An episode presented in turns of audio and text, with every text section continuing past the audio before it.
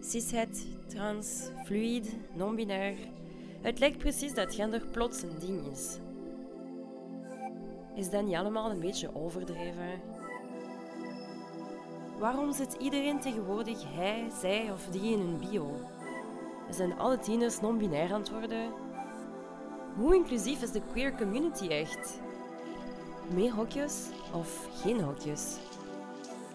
Vandaag, in No Offense, verkennen we de rol van gender in onze identiteit.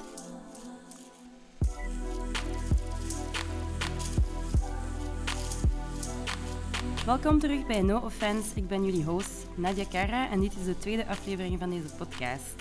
Maandelijks bespreek ik maatschappelijke thema's samen met twee gasten die ons altijd over hun persoonlijke ervaringen komen vertellen. No Offense is bedoeld als een safe space waar er plaats is voor vragen, fouten, verschillende meningen, waar we vooral naar elkaar luisteren en van elkaar proberen leren. Vandaag heb ik Oei en Laurent uitgenodigd om te praten over een thema dat we tegenwoordig overal zien passeren, maar waarover er nog veel verwarring is, gender. Dag Oei, dag Laurent. Hallo. Hallo.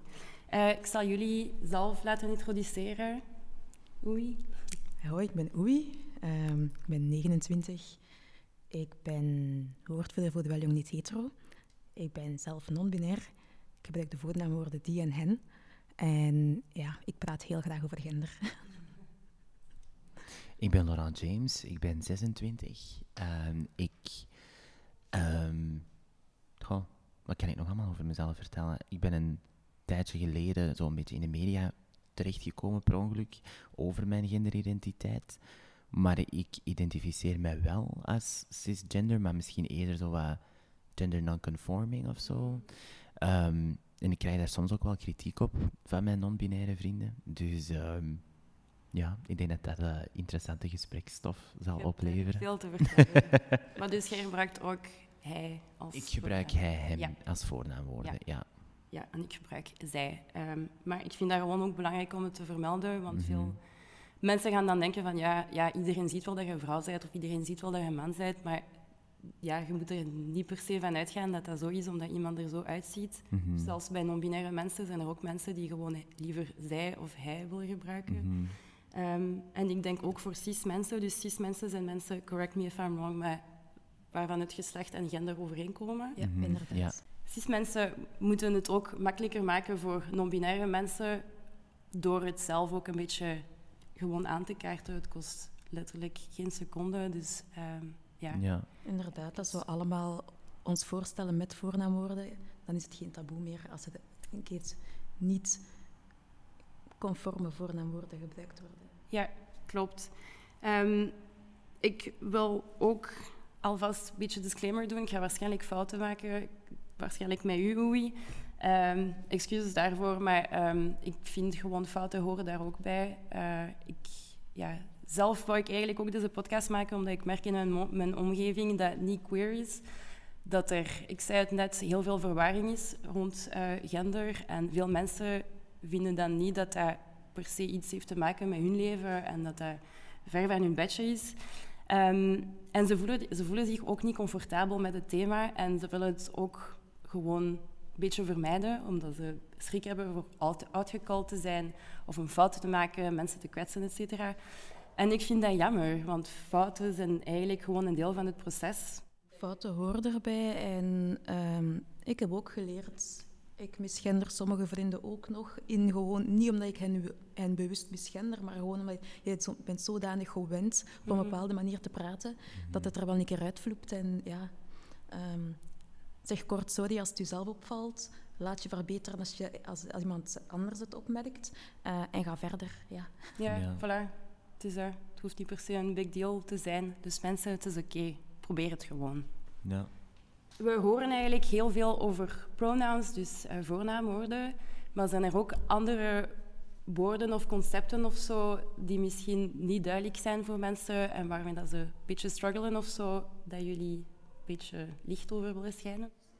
Hmm, ik zou zeggen aanspreking, toekoor. Ja. Um, we zijn heel gewend van met twee woorden te praten, meneer, mevrouw, um, gegenderde titels te gebruiken, uh, het vervrouwelijken van een beroep of zo. Mm. Mm, het is jammer dat de standaard stan- dat, de standaard mannelijk is. Ehm, maar als we allemaal gewoon de standaard gebruiken, ehm, dan is het, is het ook neutraal. En eh, in, in, in de vorm van met twee woorden praten, laat het gewoon weg. Ja. Ja. Ehm, beste voornaam, familienaam, Ja, that's ja, ja. it. Ik heb het soms moeilijk met voornaamwoorden, omdat ik daar dan bijvoorbeeld ook al over aangesproken ben door iemand die dan non-binair is, met wie ik naar school ben gegaan. En we zijn eigenlijk echt heel goede vrienden. En ehm, die sprak me er dan op aan van, ja, hè, waarom gebruik jij niet die en hen, hè, de, de onzijdige voornaamwoorden? Ehm, want je bent toch gender non-conforming en bla bla bla. En ik zei van, goh, ergens, ik kan erin komen en ik respecteer het natuurlijk ook als iemand aangesproken wilt worden met die of hen of, allee, of non-binair zijn en wel hij of zij wil gebruiken. Ik voel mij daar gewoon comfortabel bij. Als die persoon dat prefereert, dan pas ik mij gewoon aan. Gewoon uit een, een wederzijds respect naar die persoon toe. Maar dat voelde wel zo een beetje als een zo van... ja, als je gevalideerd wilt worden binnen... Hè, je, je spreekt over gender, dus waarom gebruik jij dan niet, hè, de andere voornaamwoorden? Toen had ik voor mezelf zoiets van... Ergens... En het is misschien vrij controversieel om dat nu zo te zeggen, maar ergens denk ik soms ook dat de derde genderoptie, die dat we nu, allee, die dat nu bijvoorbeeld heel hard in de media komt en, en die dat heel hard ja, polariserend werkt, ook voor mensen die er bijvoorbeeld totaal niks over weten. Mhm. Ik denk soms ook dat dat ervoor zorgt dat er een soort van bevestiging komt voor het binaire systeem. Op de manier van, als je je niet volledig houdt aan de verwachting van man of vrouw, dan zijn je per definitie al non-binair. Ja. En daar heb ik het soms moeilijk mee. Soms zie ik dan 16-jarige ja, tieners hè, op, op TikTok die dat dan een oorbel in hun oor steken als jongen en dan, dan ineens zijn die non-binair. En dan denk ik van, als dat je persoonlijke keuze is, who am I to judge you, tuurlijk dat. Maar dan denk ik ook wel van, je kunt ook gewoon een jongen zijn met make-up of een jongen zijn met een oorbel of een vrouw in een jeans met een hemd zonder make-up, met kort haar. Dat kan ook nog steeds. En soms denk ik dat met bijvoorbeeld hè, zo van die dingen zoals TikTok of, of Instagram, eh, die platformen waar dat dan non-binair zijn, hè, dan zo heel hard een push krijgt van zet dat in uw bio, zet de, eh, they, them of he, him of he, she, allee, ja, heel de dingen.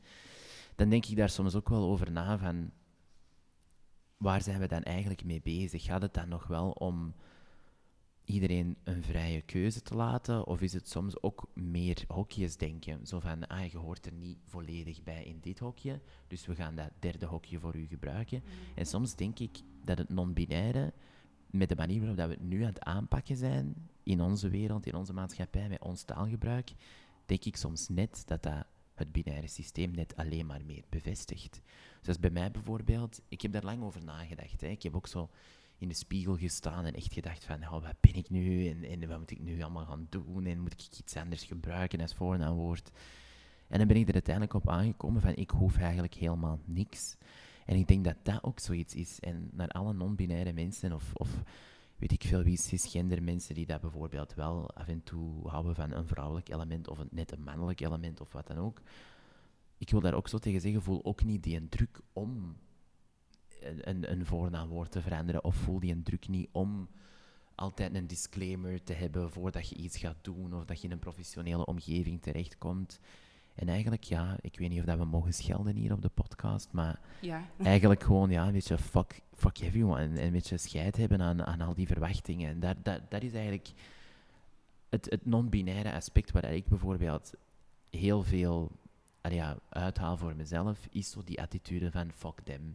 Zoals nu bijvoorbeeld eh Bimini Bamboulash. Ik weet niet of dat, eh, jullie die kennen, de drag queen van RuPaul's Drag Race UK.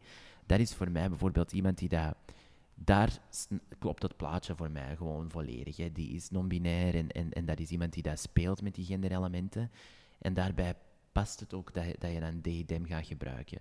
Maar soms zie ik echt, ja, jongens met een oorbel en een streep eyeliner, die dat dan echt wel hun male privilege heel een tijd gebruiken, maar dan wel op Instagram plots them zijn. En dan denk ik van, als je op je werk laat aanspreken met he, him, maar op het internet them, omdat je dan lekker alternatief bent, dan denk ik ook van, waar is deze discussie naartoe aan het gaan? Maar daar zou ik wel mee oppassen. Want het Ja. is niet omdat je op je werk of op je school in, de, in het binaire eh, stelsel wil dat aanspreken, Mhm. ehm, dat dat per se ook een comfortabel iets is voor die persoon. Ja, ja, het is tuurlijk, vaak ook ja. uit, uit een veiligheid, Mhm. eh, of om die confrontatie niet per se aan te willen gaan. Maar ook te vergeten dat, die, dat tieners, we zijn zelf tieners geweest, dat je, Mhm. bent heel hard op zoek naar jezelf. Ja, ja, tuurlijk. Ik- Als ik in mijn eigen geschiedenis kijk, ik heb zoveel labels, tussen aanhalingstekens, op mezelf geplakt die ik niet meer wil gebruiken, maar die ik Mhm. wel nodig had om te komen waar dat ik nu ben. En als ehm non-binariteit nu in de media zit en iets heel ja, hot is, laten we zeggen, Mhm. eh, begrijp ik dat er een hele hoop tieners die sowieso al vragen hebben over zichzelf, over hun eh, identiteit enerzijds, maar ook over hun expressie, dat zij ook Mhm. een beetje gaan jongleren met ehm, welke termen passen bij mij, welke omschrijven mij, waar voel ik mij gevalideerd door. En eh, het, het leuke aan gender is dat het een spectrum is. En als zij binnen een maand zeggen, doei, ik voel het niet meer, ja, doei. Dan, dan, Ja. Maar ik heb het er moeilijk mee soms. Omdat je dan echt denkt van, voor sommige mensen is deze een struggle waar ze niet om gevraagd hebben. En soms lijkt het wel alsof dat sommige mensen zo hard die struggle op hun eigen willen afroepen, net om ergens bij te horen. En dan kunnen ze zeggen natuurlijk van, ja, waar trek je die grens? En dat is net ook mijn vraag. Ik weet het zelf niet waar ik die grens moet trekken, omdat ik het zelf ook heel moeilijk vind. Maar soms zie ik echt extreme dingen dat ik dan zo echt denk van, oh, ik weet niet hoe dat ik mij hierover voel. Zo, zo is er bijvoorbeeld iemand op Instagram, ik ga die niet bij naam noemen, maar iemand eh, die dat mij vaak berichten stuurt. eh, want ik ben ook de pagina LGBTQIA.be gestart op Instagram en dat is ook redelijk hard gegaan de laatste paar weken. En dan is er zo iemand daar die dat mij er in, heel veel posts en, en ja, musings en zo dacht eh, op die pagina. En dat is dan iemand die dat er echt super cisgender uitziet. Een hele gespierde homo-man, eigenlijk eh, op het eerste zicht. En die identificeert zich als transgender vrouw, maar die Hmm. gaat nooit de fysieke transformatie doormaken, omdat hij ehm, zegt van ja, ik ga nooit het ideaalbeeld bereiken dat ik eigenlijk zou willen bereiken door surgery of whatever. Of, allee, dat is toch wat die persoon tegen mij heeft gezegd. Hè. Maar die wil wel aangesproken worden met she, her. Maar die post ook wel echt super homo-erotische foto's, krijgt heel veel likes en, en comments van homo-mannen die dat dan een beetje geilen op het mannelijke naakt. En dan denk ik, hier heb ik het persoonlijk moeilijk mee. Omdat ik dan denk van, ik heb transvriendinnen die dat dan heel die struggle meemaken. En dan denk ik van, om dat dan op jezelf af te roepen, weten dat je nooit die struggle gaat moeten meemaken. Voor de mensen die dat dan wel bijvoorbeeld de fysieke transformatie doormaken. En ik snap het, hè, je moet niet per se ehm, de gender eh, confirmation surgery doormaken om een transpersoon te zijn of om aangesproken te worden met de correcte voornaamwoorden. Maar als je bijvoorbeeld het volledige plaatje gaat blijven houden, zo van hey, ik, ik ben een, een supergespierde homo-man, maar ik blijf wel. Alleen, maar ik, ik wil wel aangesproken worden met, met she, her. Maar er is eigenlijk niks in mijn identiteit die dat naar andere mensen uitstraalt, die dat ook nog maar ruikt naar iets vrouwelijk. Dan denk ik van, dit is het verwarrende deel voor mensen die dat bijvoorbeeld al niks weten over gender en over voornaamwoorden. En ik zit er zelf in. En ik zelf denk hierover van, wat moeten we hiermee? Maar en ook, dat zijn zo van die specialetjes. ook daar zou ik opletten, want wij zien foto's, Mhm. wij zien geen lichaamstaal, wij zien een deel van ehm, genderexpressie Mhm. is ook je lichaamstaal, de manier waarop je praat, de manier waarop je beweegt, de manier, ehm, ja, die dingen. Je kapsel, je kledij, heel veel heeft daar invloed op. En enerzijds is het niet aan ons om te zeggen dat die persoon geen she-her mag gebruiken. Mhm. Ik begrijp de, de, de verwarring, ik weet ook over wie dat we het hebben. Ja. Ehm, ik, begrijp, ik begrijp de verwarring, eh, maar ik heb ook voor mezelf gemaakt van oké, als ik die persoon zie voorbij komen en ik zie die post passeren, ehm, het is niet aan mij om daar commentaar op te geven. Nee, dat, dat weet En- ik en dat begrijp ik. En ik heb er ook lang over getwijfeld of dat ik daar bijvoorbeeld publiekelijk iets over zou zeggen, ja of nee. Maar ik vind toch dat dat bijdraagt tot, tot het, eh, het debat eigenlijk erover, over waar trek je die grens. En ik denk dat dat ook het moeilijke is. En dat dat, dat ook altijd zo door mensen dan in het belachelijke wordt ge- getrokken. hè, Want dan heb je zo paar rechtse politici of zo in dit land die dat dan zo zeggen van ah, en ik identificeer als een lantaarnpaal. Ja, En ik wil aangesproken worden met, eh, weet ik veel wat, oh, oh, in plaats van he, him. Allee, ja, bedoel, er zijn altijd mensen die dat in het belachelijke trekken en daar gaat het natuurlijk net niet om, hè, om dat niet in het belachelijke te Allee, daar gaat het net om om dat niet in het belachelijke te trekken. Maar ik, ik snap wel dat het soms heftig is om ermee om te gaan. Want in die persoon zijn geval, hè, inderdaad, wie zijn wij om dat te judgen? Absoluut. Maar dan denk ik ook, wie is die persoon om dat op zichzelf af te roepen soms? Omdat ik dan zo kijk naar mezelf en ik heb er nooit om gevraagd om dan zo als genderactivist beschreven te worden in de media. Ik ben, ik ben gewoon opgestaan op een dag en iemand vroeg aan mij, wilde jij een interview doen? Of bijvoorbeeld met mijn transgender vriend, uh, vriendinnen bijvoorbeeld, die dat gewoon ja, op hun zes al wisten van ik identificeer mezelf niet met het lichaam waarin dat ik geboren ben. Maar als je dan zoiets hebt van, ja, ik, ik voel wel een struggle bijvoorbeeld met mijn fysicaliteit, maar ik wil toch plooien omdat ik weet dat ik, dat ik nooit zoveel validation ga halen als het andere gender. Want dat is zo'n beetje de indruk dat ik daardoor heb gekregen van die persoon. Dat is ook de eerste stap van een heel proces. Ja, dat is het ding. Hè. En dan ik denk ook dat dat, dat, kan, is... Ja. Dat kan inderdaad lang duren. En um, gender, hoe dat wij het zien in, in, in, op het straatbeeld, wat dat wij als aangeleerd krijgen... Um, wij krijgen te, te horen dat uh, gespierd zijn... Mm -hmm. um, hoe zeg je het, stoer zijn, dit en dat, dat, dat is man zijn, dat is mhm. mannelijk. En uh, fijn zijn en, en ja. goed gedragen, laten we zeggen, is vrouw en vrouw zijn. Ja. Maar vrouw en vrouw zijn, man en man, uh, mannelijk zijn, sorry, het zit een foutje in wat ik zei. Um, dat, dat, dat zijn, zeg je dat? De mens heeft dat gecreëerd. Mm -hmm. Ja, dat is een constructie. Dat is een constructie, inderdaad. Tuurlijk, ja. Dus en daarom ook zoiets van die persoon mag dat helemaal zelf kiezen wat dat jij, wat, wat dat die uh, voor zichzelf wil. Ik ken ook mensen die er heel vrouwelijk uitzien en best wel goed overweg kunnen met make-up en zo. Mhm. Maar die wel zeggen van, ik ga niet mee in ik ben vrouw. Um, ik gebruik hij-hem pronouns. Um, want gender is een construct nu eenmaal. Ja, het is ja die regels zijn toch arbitrair, dat is het ding. Hè. In mijn research heb ik bij mezelf ook wat stilgestaan van... Ja, oké, okay, ik ga ervan uit, ik ben gewoon cis-vrouw. Maar dan denk ik van... Voel ik me echt vrouw? En waarom voel ik me vrouw en waarom niet? En waarom soms wel meer? En wat maakt het eigenlijk? Is dat omdat ik soms make-up aandoe, voel, me, voel ik me minder vrouw als ik geen make-up aandoe? Voel ik me meer vrouw als ik sexy doe? Of, ja, en dan besef ik echt wel van het zijn allemaal constructies. Het is ook heel cultureel. In andere culturen bijvoorbeeld, hè, de rol mm. bijvoorbeeld van uh, haar, van naak naakte lichamen, van borsten.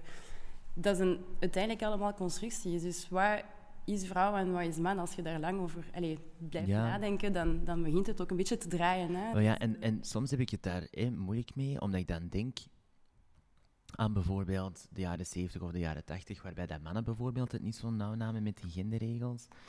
En dan denk ik bijvoorbeeld voor mezelf van...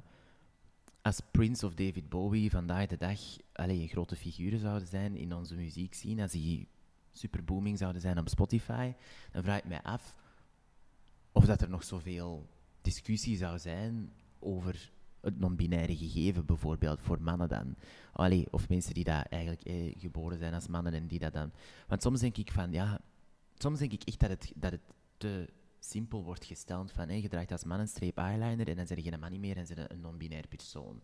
En dat is natuurlijk niet de realiteit, hè. dat is het, de zeer simplistische versie. Hè. Maar ik bedoel dat dan maar om te zeggen van soms heb ik het gevoel, en dat probeer ik daar straks zo wat te zeggen, misschien dat het nu wat duidelijker is, dat, dat, dat, het zo dat het net bekrompener is geworden door die, gender, die derde genderoptie er zo heel hard bij te nemen. En ik zeg niet dat, dat een probleem is, want ik vind dat die derde genderoptie er absoluut moet zijn. Hè. Ik, ik heb vrienden die dan non-binair zijn en die moeten absoluut, ook op officiële formulieren bijvoorbeeld, het, eh, bij het onderdeel geslacht, moeten die die derde, derde genderoptie kunnen aankruisen.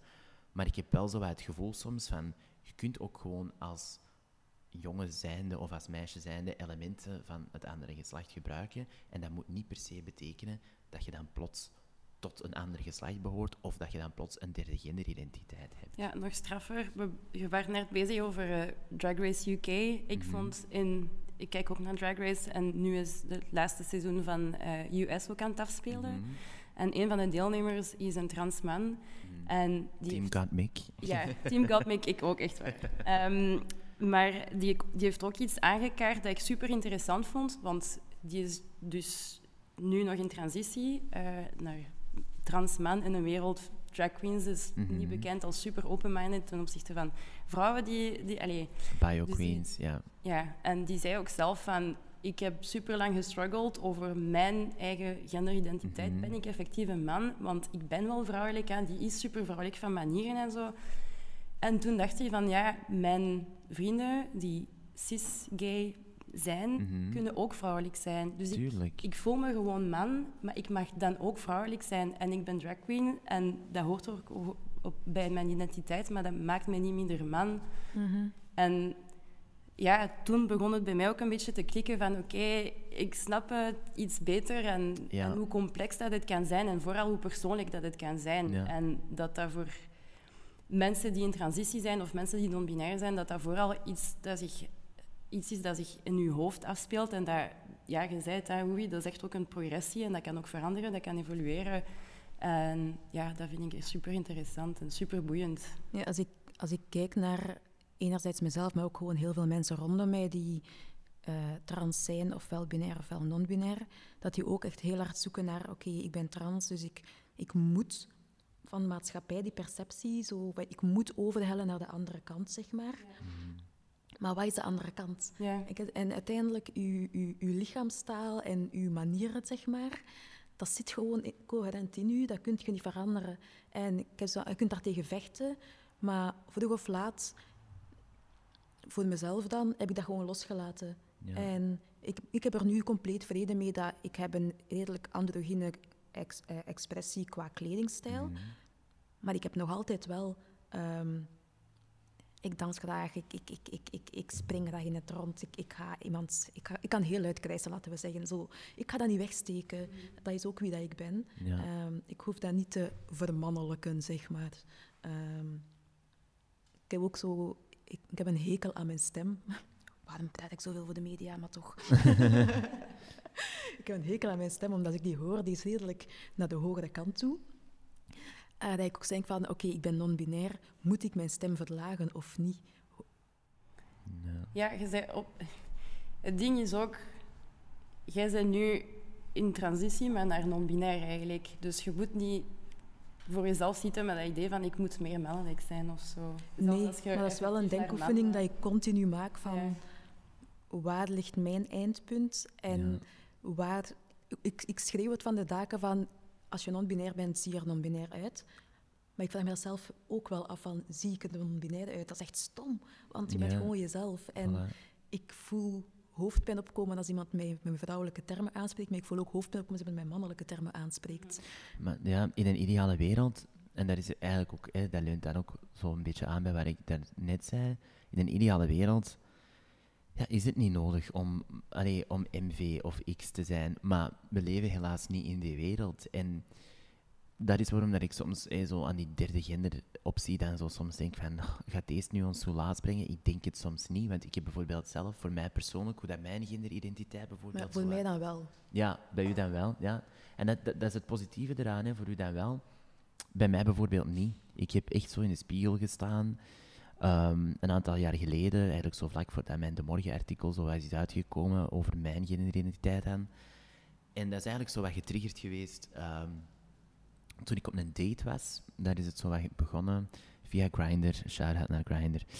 En ehm, ik kwam bij die man over de vloer, we waren al drie dagen aan het chatten op het internet en die vertelde mij hoe schoon dat ik was en hey, het ging allemaal gebeuren en oh, kei leuk. En we zitten daar in zijn lelijk antiek interieur, hè, best wel een vrouwelijke homo, zoals we dat dan noemen. En we zitten daar en ehm, ik doe mijn, mijn haar uit, uit de knot. En die man zegt zo plots tegen mij van, ja, zo types zoals jij, ik heb het er toch moeilijk mee, en bla bla bla. Terwijl hij mij al lang haar al had gezien op de foto. En ik dacht zoiets van, hè? En dan is er zo'n hele... Dus ik heb letterlijk ruzie gemaakt met die persoon op die date.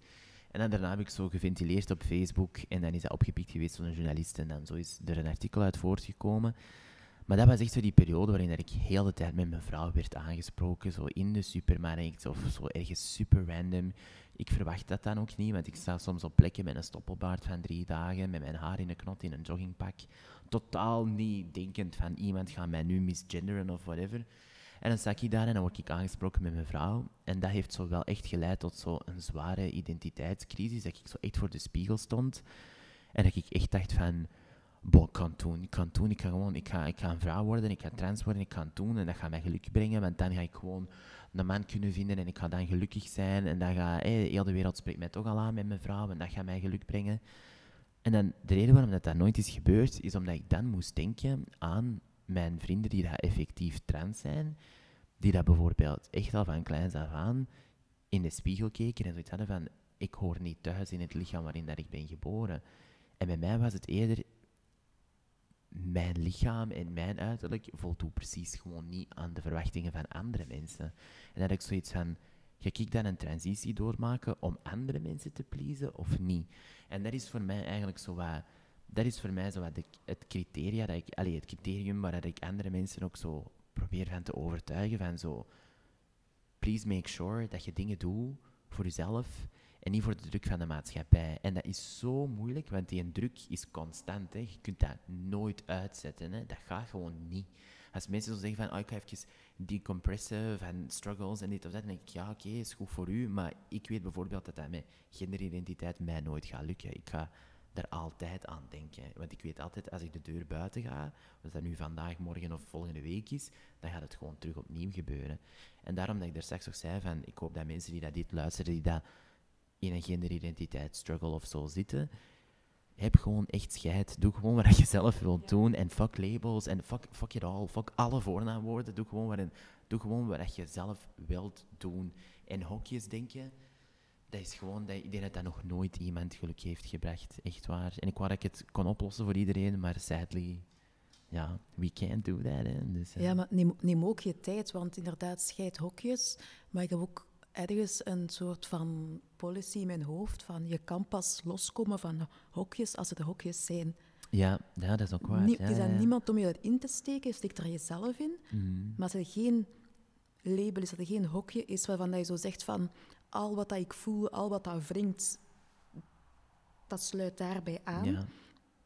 Dan ga je dat eerst moeten voor jezelf toegeven en, en claimen. Ja. En pas daarna kan je daarvan loskomen. Maar Ja. neem die tijd en ehm, het, is, het, is, het is zelfidentificatie. eh. Ja. Maar ik ben er zo slecht over gevoeld soms. En dan denk ik echt van, ik, ik hoop echt dat dat niemand anders moet overkomen. Ehm, ik heb aan jullie twee gevraagd om elk een track te kiezen rond deze thema. Ik ga beginnen bij Laurent. Vertel eens over. Ik heb Express Yourself gekozen van Madonna. Een beetje een gay cliché nummer. maar ehm, ik denk dat zij eigenlijk, Madonna dan, hè, als artiest zijnde, echt iemand is waar onze community at large eh, eigenlijk heel dankbaar voor zou moeten zijn. Allee, veel mensen zijn dat ook, maar een jongere generatie bijvoorbeeld is niet zo gekend met haar werk. Maar zij is voor mij echt iemand die dat, ja, mij zo ongeschreven toestemming heeft, gezijn, eh, eh, ongeschreven toestemming heeft gegeven om gewoon te zijn wie dat ik ben. En daarom heb ik voor dat nummer gekozen. Ik heb nog even getwijfeld, want ik dacht van, oh, dat is nu wel een heel cliché homo-nummer om erin te steken. Eh, maar dan dacht ik van, maar het is gewoon de waarheid, bro. Dat nummer voor mij, dat represent gewoon echt freedom of expression. En ook tegelijkertijd ook female empowerment, wat raar is, want ja, ik ben dan wel een man die dat dan he-him gebruikt. Maar die female empowerment, en dat daar heel hard in zit, hè, want in dat nummer zegt ze don't go for second best. Dat is ook zoiets dat er, alleen dat is dan met betrekking op een man, dat is ook zoiets dat, ik weet niet, I sort of, ja, I can relate of zo, ik weet niet. Allee, dat geeft mij zo gewoon, ja, dat nummer is gewoon extreme confidence in 3 minuten en 40 seconden, of hoever lang dat een track ook is. Oké, let's listen to Extreme Confidence.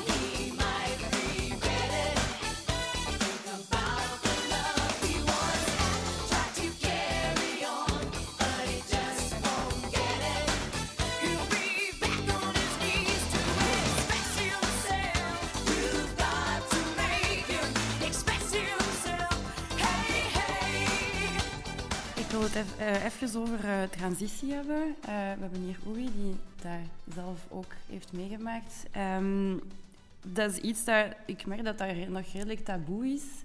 Eh, ik denk ook niet dat veel mensen mensen kennen die dat effectief hebben gedaan. Dus nu hebben we de chance om iemand eh, aan tafel te hebben die daar, die daar zelf Mee bezig is. Ja, voilà, Mhm. inderdaad. Ehm, hoe ben je daaraan begonnen? Waar was dan de klik van, oké, ik ga het doen? Het is begonnen bij eigenlijk het, het voor mezelf toegeven dat ik mij niet comfortabel voelde in, in, in vrouw zijn. Ehm, en daar begint in, in, heel de sociale transitie. Ehm, het bij mondjesmaat vertellen aan vrienden of aan familie. ehm, het bekendmaken op je werk.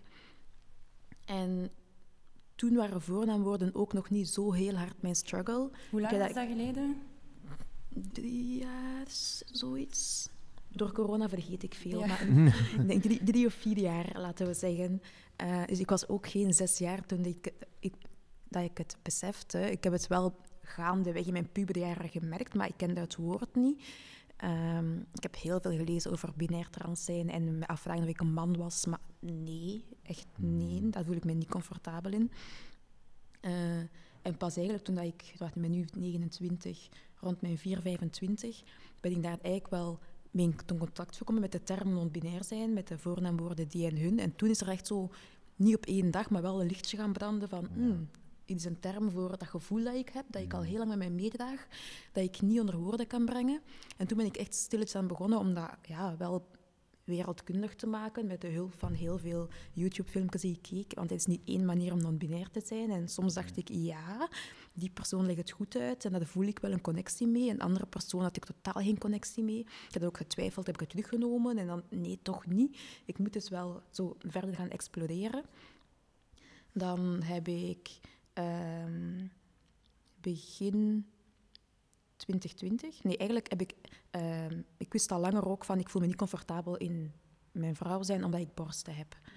Ehm, dat was iets dat ik al wist van, oké, op een dag, ooit, niet per se morgen, maar ooit wil ik daar iets aan doen. Dat was geen agendapunt, inderdaad. Maar hoe langer, hoe meer dat, dat wel, dat ik daarmee opstond zelfs. Dat ik dacht van, oh, dat ik in de spiegel keek en dacht, oh, nee. Dan heb ik tegen september 2019 ging ik tien dagen op verlof. Ik had echt ik had headspace nodig. En de dag voor mijn verlof dacht ik, ik kan niet tien dagen op verlof gaan zonder dat ik opnieuw iets ga toegeven aan mezelf. Van, dat, dat moet weg. Ik heb de telefoon gepakt, ik heb het genderteam gebeld. Ik heb gezegd, ik wil dat inplannen. En dan zeggen zij, ja, met een wachtlijst van een jaar. Ik zei ook, het is oké. Ga op reis, het is oké. Ja. ja, maar dan heb je inderdaad wel echt een... Ja, kunt aftellen naar Ja. iets, hè? Het, was zo, het, het hoge woord was eruit. Iets dat ik al heel lang zo mee speelde. Eh, ik moest dat toegeven en dan heb ik het ook echt gewoon echt gedeeld op social media van yo mannetjes, ik moet iets vertellen. Ja, Het, als, als, het, als iets uitgesproken is, is het voor mij echt het.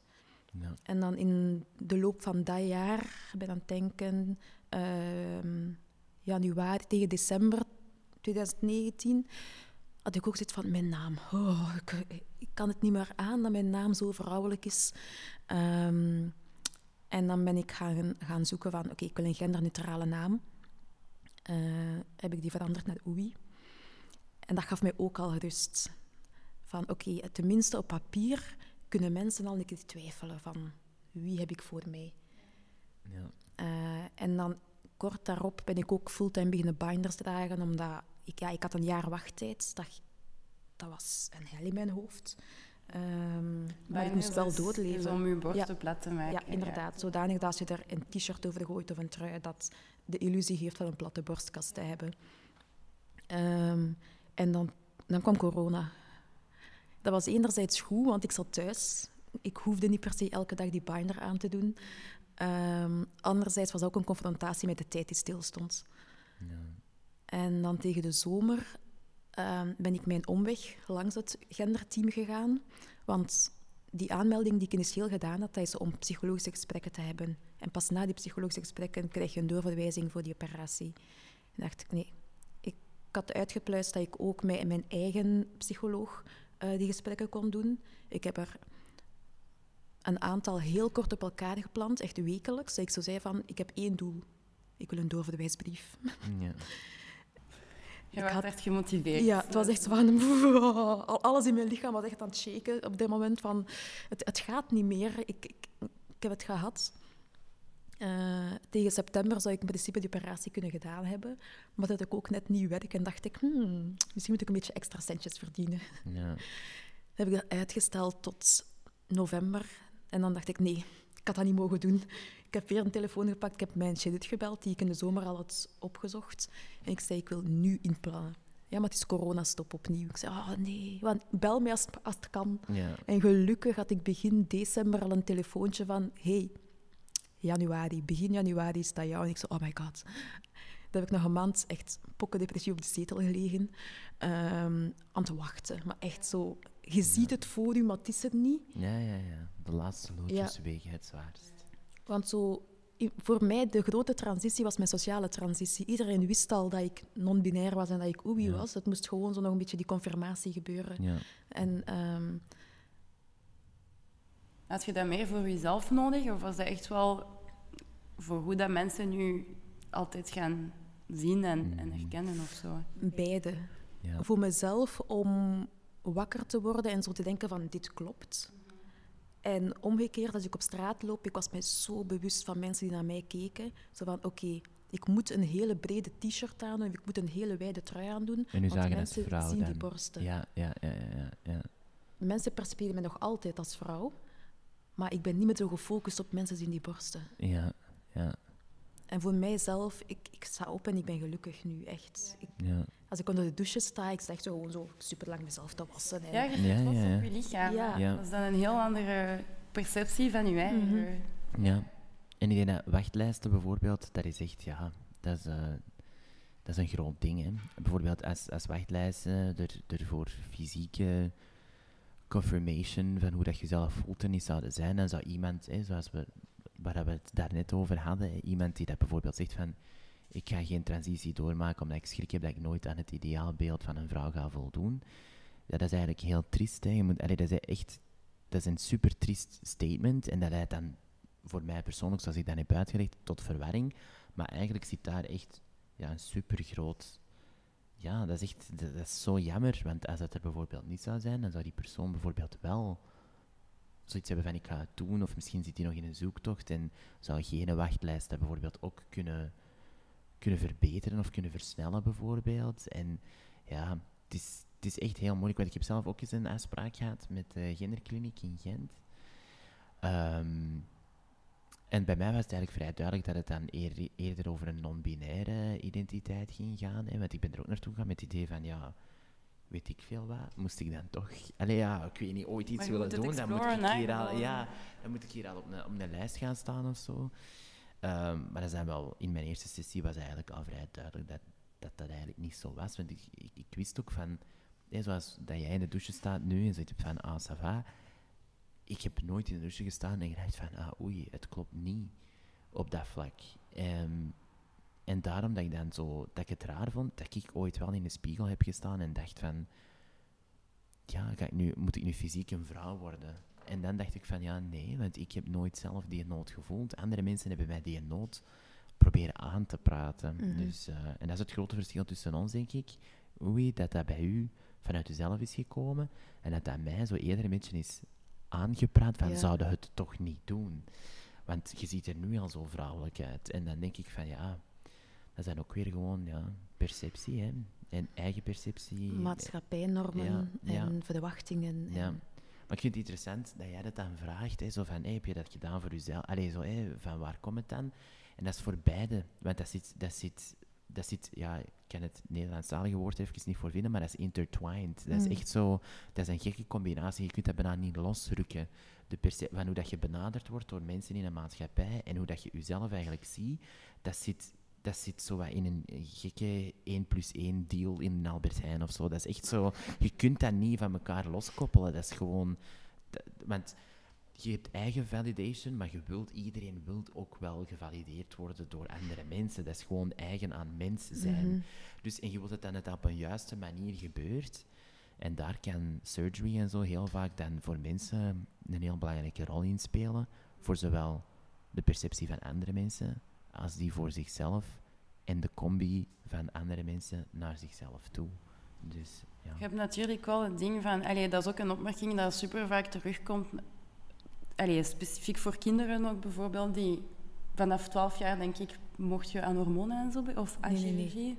Eh, je mag vanaf 12, denk ik, hormoonblokkers nemen. Ja. Dus zij gaan eigenlijk je puberteit lam leggen. En zij gaan ervoor zorgen dat je zowel niet mannelijke kenmerken eh, ontwikkelt als ook vrouwelijke kenmerken. En vanaf 16 mag je hormonen. Ja, maar dat zijn dingen, zeker over chirurgie dan, die wel soort of definitief voelen. Dus ik snap de bezorgdheid wel van mensen van, zet je daar zeker van? En misschien moeten de, de, de, de, de wachttijden zo lang zijn, et cetera. Maar die wachttijden hoeven, moeten absoluut niet wachten. Die wachttijden moeten echt korter. Want je, het is niet dat je je aanmeldt en dat je direct die, die blokkers krijgt of die hormonen krijgt. Je moet ook nog een keer dat psychologische proces doormaken, waarbij dat eigenlijk je voorbereiden enerzijds van ehm, advocaat van de duivel. Is, is, is, is het gevoel dat je hebt correct? Ehm, is het niet de Ja. buitenwereld die het op Ja. jou legt? Maar ook van, ben je klaar voor de omgekeerde reacties van de buitenwereld? Ja. Ben je klaar om jezelf te verdedigen waarom dat je dit doet? ja, Ehm, en als je dat zou kunnen doen, op het moment dat je de moed hebt om die telefoon op te pakken, dan kan je daar dan aan beginnen. Dat is sowieso een proces. Ja. En dan begin je aan Ja. whatever dacht confirmerende jij soms van, stappen. Ik ga er spijt van hebben, of ben ik echt zeker? Of... Mensen deden mij geloven dat ik spijt ging hebben. ja. Op het moment dat ik de knoop heb doorgehakt, was ik zeker. Ja, je zei het net ook, hè. Ja. Je, had- ja, je werd gewoon doodongelukkig van het feit dat dat niet snel genoeg kon gaan. Hè. Ja. Ja. Maar ik heb heel hard moeten verdedigen waarom dat ik dat wou. Eh, want ja, allee, als jij zegt dat je non-binair bent, ben je non-binair. En, en een, een, een transitie op eender welk vlak gaat daar niet aan meer aan bijdragen. Mhm. Maar ik had dat wel nodig voor mezelf intern. ja, mentaal. Ja. Ja. Ik wil dat toch even zeggen, voor mensen die dat, dat bijvoorbeeld niet weten, hè, want ik denk dat er heel veel onwetendheid is over, ja, over heel deze topic in het algemeen, maar bijvoorbeeld ook over eh, transitie. Ik heb me er zo wel wat in verdiept, omdat ik het ook gewoon wat weten voor mezelf.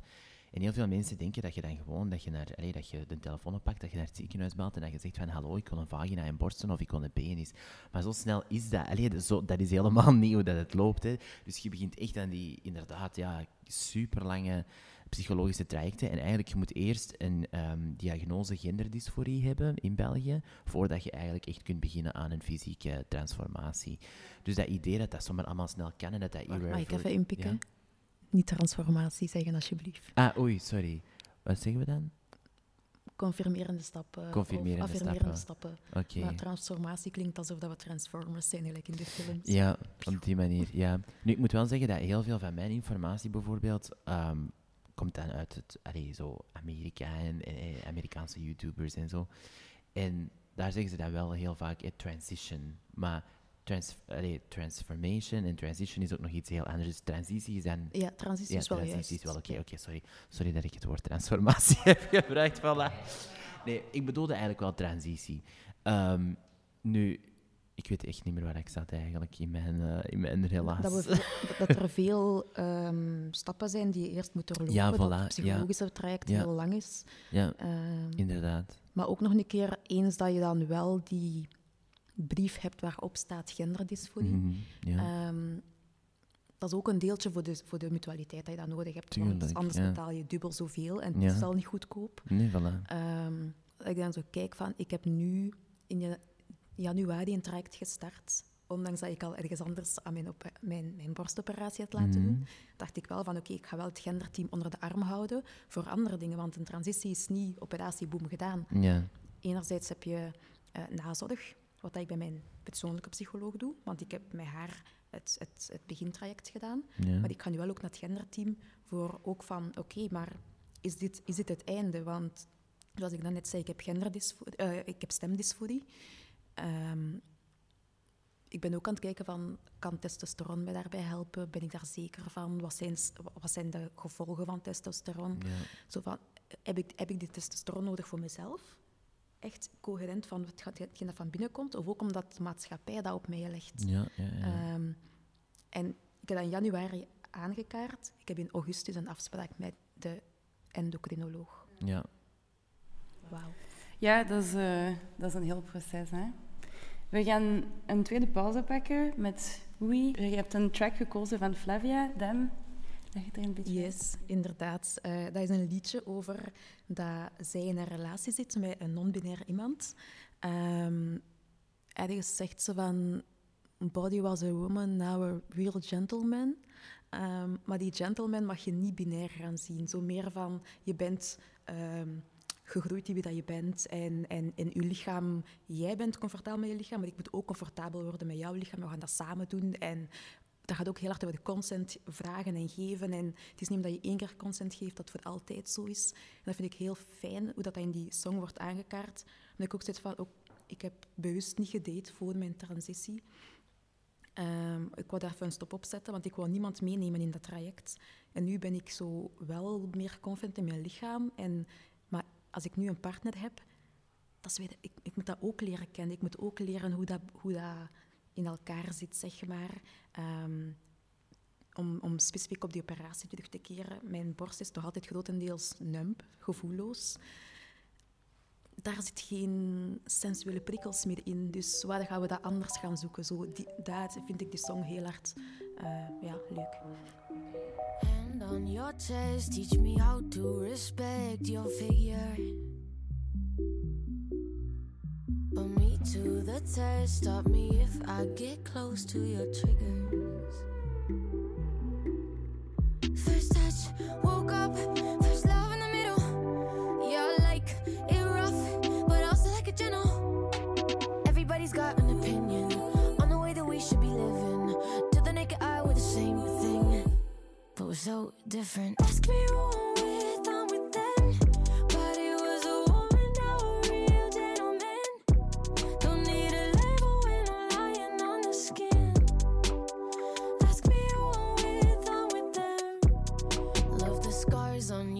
chest as our bodies undress. I'll be the 96.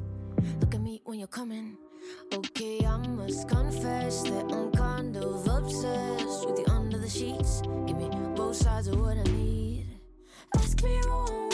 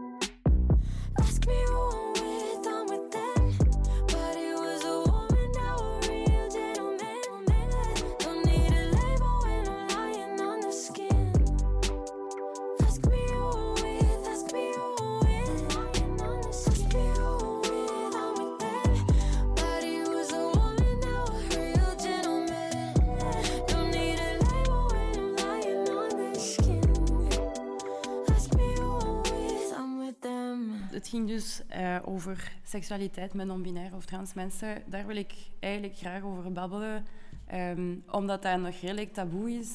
Ik, ik ben daar super in geïnteresseerd, maar ik heb heel weinig kunnen lezen en kunnen vinden.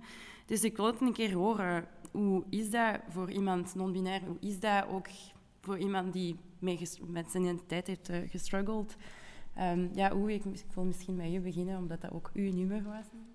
Ja, ehm, qua daten, ik, ik, ik ben al sinds mijn 16 uit de kast als biseksueel of panseksueel. Ehm, ik val jammer genoeg op cis-mannen. maar We all heb- have our flaws.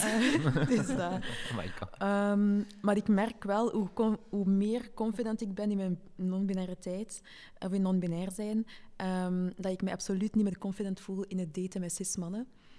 En dat gaat meer van de perceptie die zij hebben aan mij. Ehm,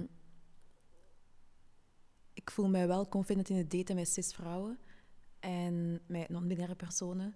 Ehm, maar er blijft wel een afstand, omdat je elkaar niet helemaal begrijpt in wat is comfortabel in aanraking, in, in aanspreking, hoe noemen we elkaar, wat is de seksualiteit van de andere persoon als die zegt van ik ben lesbisch, maar ik val op iemand non-binair.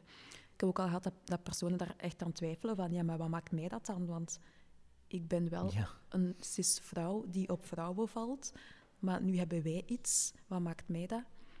Ja. En ik, ik vind niet dat dat aan mij is om dat Ja. te helpen zoeken.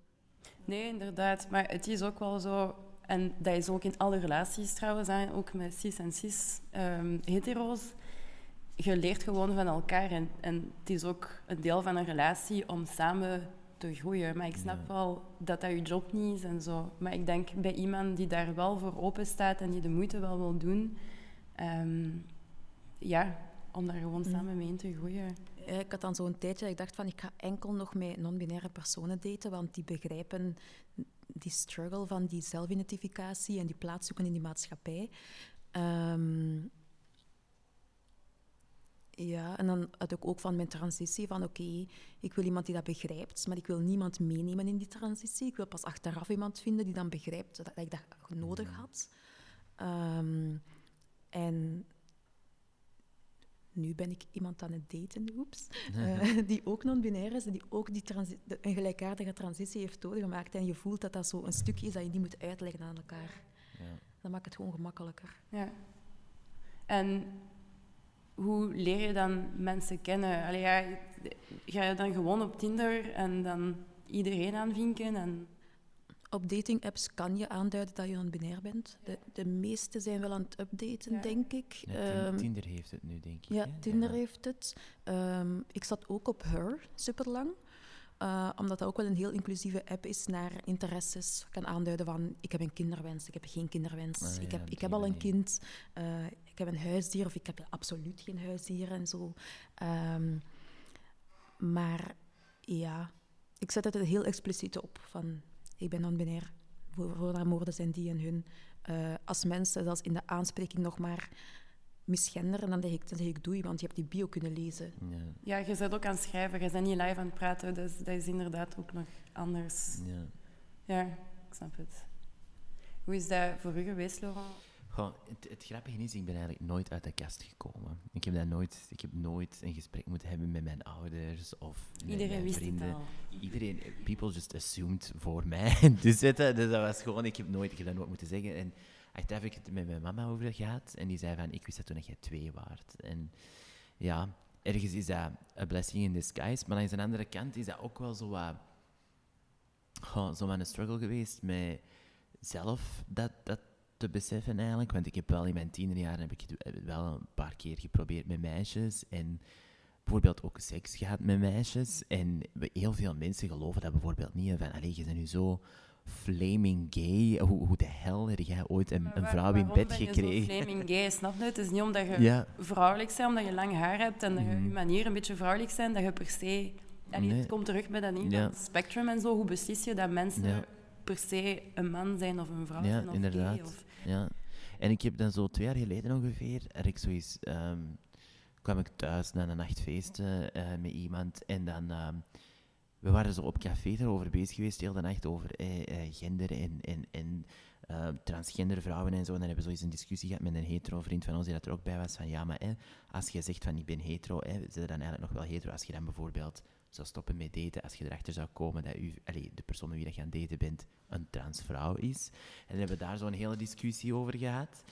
En dan, eh, ja, en dan, want wij hadden zoiets van, ja, eigenlijk, ik bedoel, dat, is- dat blijft gewoon hetzelfde, hè, dat is een vrouw. En dan zei die persoon van, ja, nee, maar ik heb het er moeilijk mee, ik zou dat niet willen, en bla, bla, bla. Zo'n hele discussie. En dan heb ik die vraag bijvoorbeeld ook bij mezelf gelegd, van, zou ik het bijvoorbeeld, zou ik aangetrokken kunnen zijn tot een trans man? En dan heb ik bijvoorbeeld opgezocht of dat daar porno van was, want ik dacht van, ja, ik wil dat wel gewoon zien, ik wil dat voor mezelf ontdekken in de veiligheid van mijn eigen slaapkamer.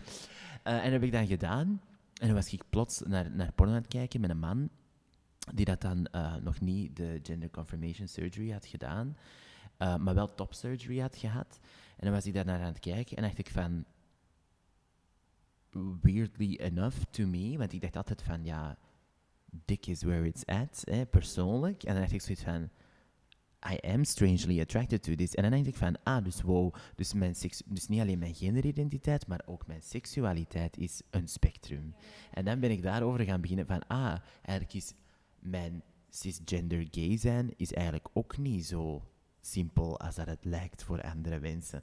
En dan begin je daarover na te denken. Hè. Dus nu eigenlijk, ja, als mensen aan mij vragen, ja, wat zeg je eigenlijk? Ja, to other people waarschijnlijk gewoon eh, een flaming gay man. Maar voor mezelf eigenlijk, ja, ik plak daar geen titels meer op, omdat ja, hokjes maken mij ongelooflijk ongelukkig. En de enige hokjes eigenlijk die dat ik toelaat in mijn leven zijn die van andere mensen, zodat dat zij zich comfortabel kunnen voelen met mij in een hokje te steken. Maar zelf voor mijn eigen doe ik er gewoon niet meer aan mee, want ik word er gewoon te ongelukkig door. Dus nog op vlak van seksualiteit, nog op gender, doe ik daar eigenlijk aan mee. Maar ik moet wel eerlijk zijn, over het algemeen in seksualiteit ben ik wel het vaakste aangetrokken eh, tot, tot cisgender, homo, mannen gewoon. Ja. Ehm, maar dat is niet per se altijd uh, allee, wederzijds. Bijvoorbeeld ook allee, al, al vaak, allee, al vaak, nu klink ik hier als een gigantische hoer, maar ik heb wel al En vaak dan? mannen, ja, no judgment, no slutshaming, heb ik wel al zo wat, ehm, ik heb wel een paar mannen gehad die dat bijvoorbeeld allee, voor en na mij dan alleen exclusief heteroseksuele relaties hebben. En dan denk ik van ja, ik zou mezelf dan niet per se als transvrouw opdelen, maar jij hebt dat in je hoofd misschien wel gedaan om het comfortabeler te maken voor jezelf, dat wij de lakens hebben gedeeld of zo. Maar ja, dat is dan weer de keuze en het hokjesdenken van die andere persoon. En ik ga mijn eigen er niet meer moeite in maken, want het heeft mij in het verleden al heel veel energie gekost. En ja, waarom? Dat is niet mijn struggle, dat is de struggle van die andere persoon. Dat ligt niet in uw macht. En Nee, voilà. Laat het los. Allee, zo, dan, hoef je, dan hoef je er zelfs niet bij blijven te stilstaan. Ehm, wat ik zelf bij mezelf ook merk, is dat ik mijn seksualiteit niet in termen uitdruk. Eh, ik ga nooit zeggen dat ik bi of pan ben. Ehm, maar ik ga wel mijn hele identiteit kaderen en ik ben queer. Want dat kadert mijn non-binariteit. Dat, dat kadert ook dat ik gewoon heel outspoken erover ben. Ja. Dat ik ehm, mensen mij niet laat beledigen, zeg maar. Door de, zeg, de historische lading van, van queer zijn en Ja. queerness. Ehm, ik ben er trots op. Ja, Ik wil niet cisgender zijn, ik wil niet hetero zijn. Ehm, nee, ja. ja. Nu, ik moet zeggen dat als er één... eh, Ik heb hier juist een heel betoog gegeven over hoe hard ik labels haat. Maar als er één label is waar ik me eigenlijk het meeste comfortabel bij voel, zowel op vlak van seksualiteit als van genderidentiteit, hoewel het dan niet echt een gender, genderidentiteit is per se, is eigenlijk voor mij ook het queer label. Zo gewoon queer, dat is voor mij zo, dat dekt voor mij gewoon de lading op dat vlak. Maar ja, als ik dan bijvoorbeeld bij gender zou invullen queer, dan gaan mensen echt denken, wat is deze? Want deze is zelfs niet non-binair. Allee, snap? Maar dat dekt voor mij eerder de lading. Ik maar daarom ook ja, omdat dat niet echt een hokje is. Hè. Dat is zo'n samenstelling van superveel dingen, Ja. dat ook een super zware historische laag heeft en Ja. zo. En dat vind ik net, ja, dat is iets dat je echt wilt, wilt dragen als, als een vlag. Ehm, Ja. dus Ja, ik misschien vind- Daarom ook, hè. ik vind queer echt zo het, het non-hokjes denken hokje. Ja. As, if that makes sense. ja, maar ik moet zeggen, ik, ja, ik ben zelf cis, biseksueel, maar ik heb eigenlijk vooral mannen gedate en zo. Mhm. En ik val ook vooral op cis-het mannen. maar- nee. Ehm, maar door mijn omgeving en mijn vrienden en mijn cultuur, et cetera, voel ik me ook queer. En niet even queer als u bijvoorbeeld. Maar uiteindelijk, ja, dat is ook, dat is ook geen, geen ladder of zo. Hè? Nee, Nee, nee, want natuurlijk, ja. het, is niet dat je meer queer of minder queer bent dan iemand anders. Je bent op je eigen manier wie dat je bent. Ja, maar het, ja, het, het is wel... Het is een community, weet je. Dat is, Ja. dat is het mooie daaraan. Je voelt je nooit alleen omdat je weet dat je bepaalde vragen kunt stellen, dat je altijd mensen gaat hebben die je gaan proberen snappen. Als ze je niet snappen, Goh. gaan ze je altijd doorverwijzen naar misschien iemand anders die hetzelfde heeft meegemaakt. En dat, Ik- dat vind ik vooral ja, mooi. En ik ben- ben ik ben trots op. Ik ben daar niet per se mee akkoord met het idee dat je nooit alleen voelt, omdat er een LGBTQIA community is. Dat is totaal niet waar. ik heb mij, nee, we wonen in, allee, ik woon hier in Antwerpen. We zijn dit nu ook in Antwerpen aan het opnemen. Ehm, hier is een super grote gay community. En ik kan u niet zeggen hoe vaak dat ik mij echt super alleen heb gevoeld in die gay community. En ik had dan queer vrienden, hè, die dan net zoals mij even fem waren of, of ook lang haar hadden. En mijn beste vriend en ik, we hebben samen eens tegelijkertijd lang haar gehad. En we stonden samen goed te gaan op Nicki Minaj in onze living. Ik bedoel, we waren even gay. En toch, omdat ik er vrouwelijker uitzag qua gezicht, had hij een gemakkelijker tijd om te daten dan mij bijvoorbeeld. Ehm, en dat was een struggle waar ik met hem bijvoorbeeld wel over kon praten. Maar er zijn ook tijden geweest dat ik bijvoorbeeld naar een gay club ging. en dat ik daar gewoon in het rond keek. En dat ik echt dacht van, oh my god, dit is zo dat Robin-nummer, hè, zo Dancing on My Own. Maar dan niet per se over een ex, maar gewoon... Niemand hier vindt mij desirable. Terwijl dat, dat zo wel een beetje de purpose is van een gay club. Hè, omdat iedereen hier deelt dat deel. Hè, dus dat is ook waarom dat er zo legendarisch veel... Hè, eh, dingen gebeuren in gayclubs waar dat hetero mensen misschien van denken van oh, dat is heel, heel whatever. Maar ja, ik, ik ben er niet mee akkoord dat, dat er een sense of community is altijd per se. Ik vind dat die er moet zijn en ik probeer er ook actief aan mee te timmeren.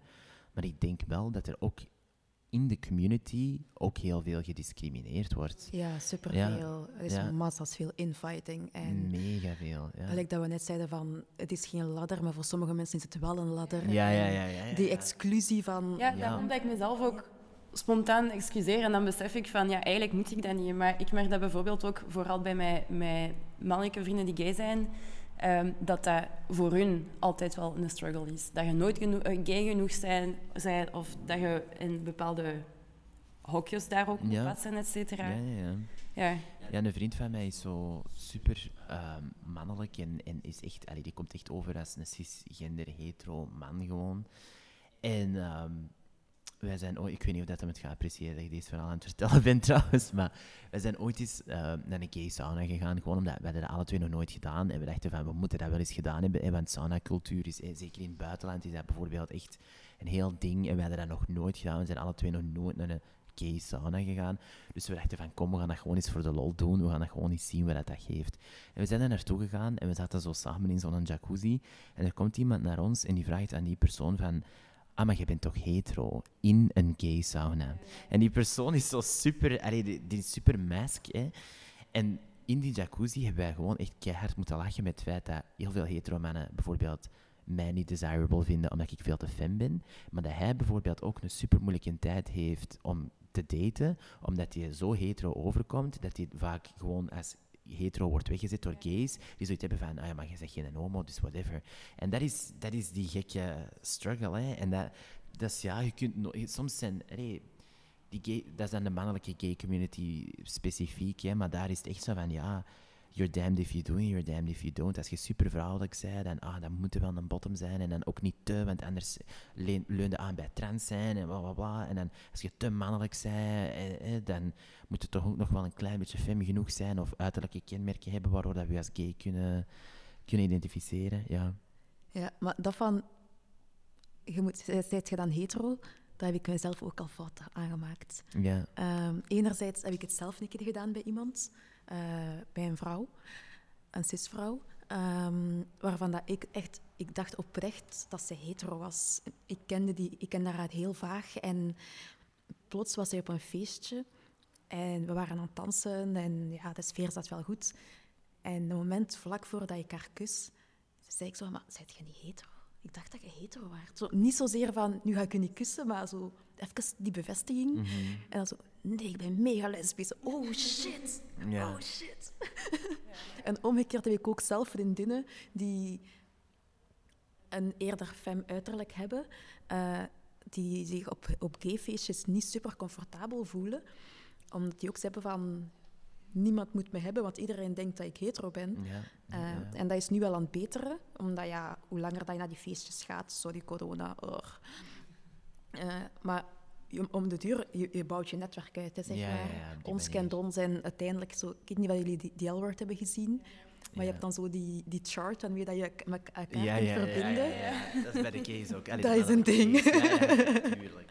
Ehm, misschien is het een goed moment om ehm, even over mentale last te praten, want we zijn nu eh, hè, veel aan het lachen en zo, maar ehm, ja, jullie hebben het ook al een beetje aangegeven, dat is niet altijd makkelijk. Je hebt echt, kan ik me inbeelden, er ups en downs. Wat is dat dan voor jullie? Wat zijn de ups en wat zijn de downs? Ehm, over de gender, de ups en de euforie-momentjes. Gender-euforie, ehm, niet misgenderd worden, dus eigenlijk ja, correct gegenderd worden. Ehm, momenten dat ik in de spiegel kijk en dat ik denk van, yes, klopt. En de downs zijn tegenovergestelde van mensen die jou nog altijd anders percipiëren dan dat jij het zou willen. Mensen die niet, voor, die niet mee zijn met mijn pronouns, die het op zich wel weten, maar die het niet gebruiken. Ehm, Expres dan? Of per ongeluk? ik, zou, ik zou zeggen expres, Ja. want het is geen moeite doen. En hoe voelt je je dan? Hoe, hoe Oh, dat is al- zwaar als kan het worden? Het moment dat ik het hoor of het moment dat ik het meemaak, is echt zo een... langs mijn ruggengraat zijn zo... Moet ik er iets van zeggen? Is het, is, het, is het het waard? Ga ik mijzelf die mentale ballast opleggen? Heel vaak laat ik het passeren. Ook al preach ik van speak out en own your... Ja, je genderidentiteit. Maar heel vaak laat ik het ook zelf passeren, want hoe kut dat ik het vind om misgenderd te worden, ik vind het ook heel kut om, om- voor mezelf te moeten opkomen. Ehm, Dat is vermoeiend. ja, zo, als ik echt een slechte dag heb, dan kom ik de zetel niet uit. Ehm, vrienden weten dat als ik mijn gsm niet antwoord, als ik wel memes stuur in de groepschat, maar niet antwoord op de inhoud, dan denken ze, laat mij gerust. Ehm, dan zet ik Netflix op en dan kijk ik wel naar iets wat dat mij opnieuw erbovenop helpt. Ehm, Ja. Een heel gay film. Ik kijk bijna alleen maar naar queer content. Maar ik heb helaas wel nog nooit RuPaul's Drag Race gekeken. Eh, Pas op, eh, over, over Drag Race wordt ook wel, ja, hè, er is ook wat controverse over, hè, over RuPaul zelf. Maar ze zijn zich nu wel zwaar aan het aanpassen. Ja, omdat ze nu God Mick hebben toegelaten. ehm, maar, gewoon, ja, RuPaul's Drag Race is ook zo, ja, een beetje de Olympic Games voor gay people. Hè. Dat is Mm. gewoon zo, hè. Dat is, en, en dat is onze versie van, van voetballen iedere week op tv. Hè. Dat is veel dus- interessanter, toch? ja. Maar ik snap ook wel dat het daar bijvoorbeeld, hè, dan is er die discussie over ehm, dat ze bijvoorbeeld ehm, dat er verschillende trans eh, queens gevraagd zijn om hun transitie tijdelijk te baseren tijdens de opnames. En, ja, dus er is heel veel controverse over geweest. En ook dat ze geen bio-queens willen toelaten. Hè. Dus ze willen geen cisgender vrouwen eh, toelaten, die dat zich bijvoorbeeld wel uitdrukken als, als drag queen, omdat ze dan ja, het gevoel hebben dat dat gaat indruisen tegen het concept en het format van het programma. Ehm, dus ja, ik, vind, ik ben ook een fan van Drag Race, maar tegelijkertijd denk ik soms ook van niet alle kritiek is onterecht. Dus eh, ja, en dan is er natuurlijk ook nog de fracking, hij RuPaul aan doet en zo. Dat wordt ook vaak naar boven gebracht door Drag Race fans. Maar overal ben ik een super grote fan van RuPaul natuurlijk, omdat hij gewoon, ja, de tijd waarin dat hij het heeft gedaan, was gewoon, ja, dat is, dat is trailblazing en dat is groundbreaking. Als je bedoel, denkt heeft- over de, la- de voorbije tien jaar, hoe big dat drag queens als cultuur Mhm. en zo is geworden. Het geld, dat is nu echt een heel industrie geworden. En vroeger was dat echt, ja, Ja. in de tijden van RuPaul, jonge RuPaul, was dat echt wel ja, zeer DIY en altijd Ja, ja, ja. en zo. En nu de tours en in, nee, niet in stadions, maar in grote theaters en Ja, zo. maar En- bijna wel, ja. Dus in Amerika zijn er echt, er zijn al stadion dingen. en- Ja, ja, ja, het is echt groot. En ja, maar iemand had ooit eens gezegd, ik heb onlangs zo'n een, een tweet gezien van iemand die dat zei van, eh, RuPaul is no longer drag race, um, allee, drag queen's mother, but she's uh, the drag queen landlord. hè, omdat het zo'n grote business is geworden. Dus, en dat, daar kan ik dan ook weer ergens in komen. Hè, want ondertussen is het format ja, verkocht aan duizend en één landen. Eh, het is een eigen leven gaan leiden. Hè. Het is niet meer de kleine family gathering waar er camera's bij waren, dat het initieel was. Maar het format blijft werken. Hè. Dus eh, ja, soms zeg ik ook van... ah ja, dat is iets waar ik bijvoorbeeld zelf nog niet echt expliciet mee ben omgegaan. Met drag bijvoorbeeld.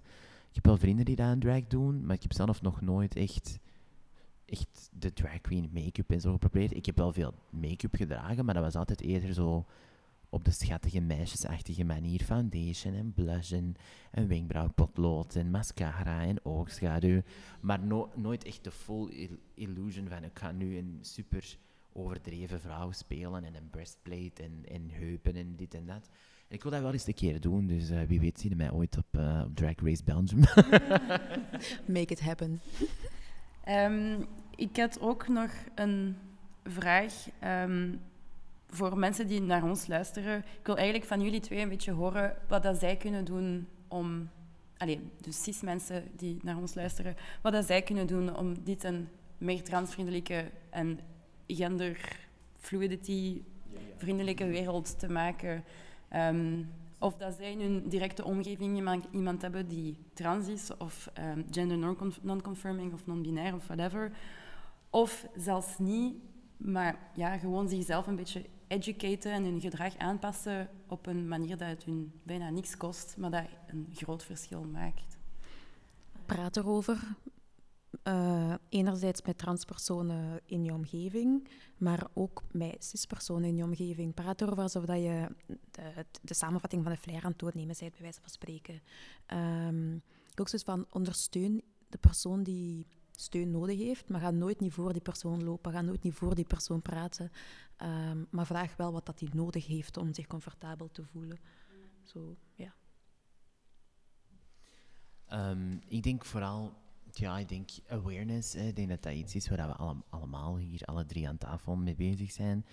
Ehm, dat is nu wel at een all-time high. Helaas ook door wat er recent in Beveren is gebeurd. Hè. Hier in België is dat ook at een all-time high opnieuw. Ehm, dus ik denk gewoon dat, dat visibility, dat dat een heel belangrijke is. Maar ik denk bijvoorbeeld ook echt expliciet aan ehm, cisgender personen die dat in een positie zijn waarbij dat ze het comfortabeler kunnen maken voor queer people. Dus dan denk ik aan zo bijvoorbeeld mensen die in een ziekenhuis werken, bijvoorbeeld. Ehm, dokters of, of, of verpleegkundigen of zo, die kunnen het vaak veel makkelijker maken voor mensen die dat gewoon binnenkomen met een gebroken teen. Om daar bijvoorbeeld eh, pronouns en zo in achting te nemen. Of om niet mensen te gaan wijzen op zo van, die belachelijke dingen. Zo ben ik onlangs binnengegaan voor wijsheidsstanden. En ik had een handtas bij en dan zei iemand, eh, gewoon omdat ik het handig vind om mijn spullen bij te hebben als ik misschien in een, langer in een ziekenhuis moet blijven.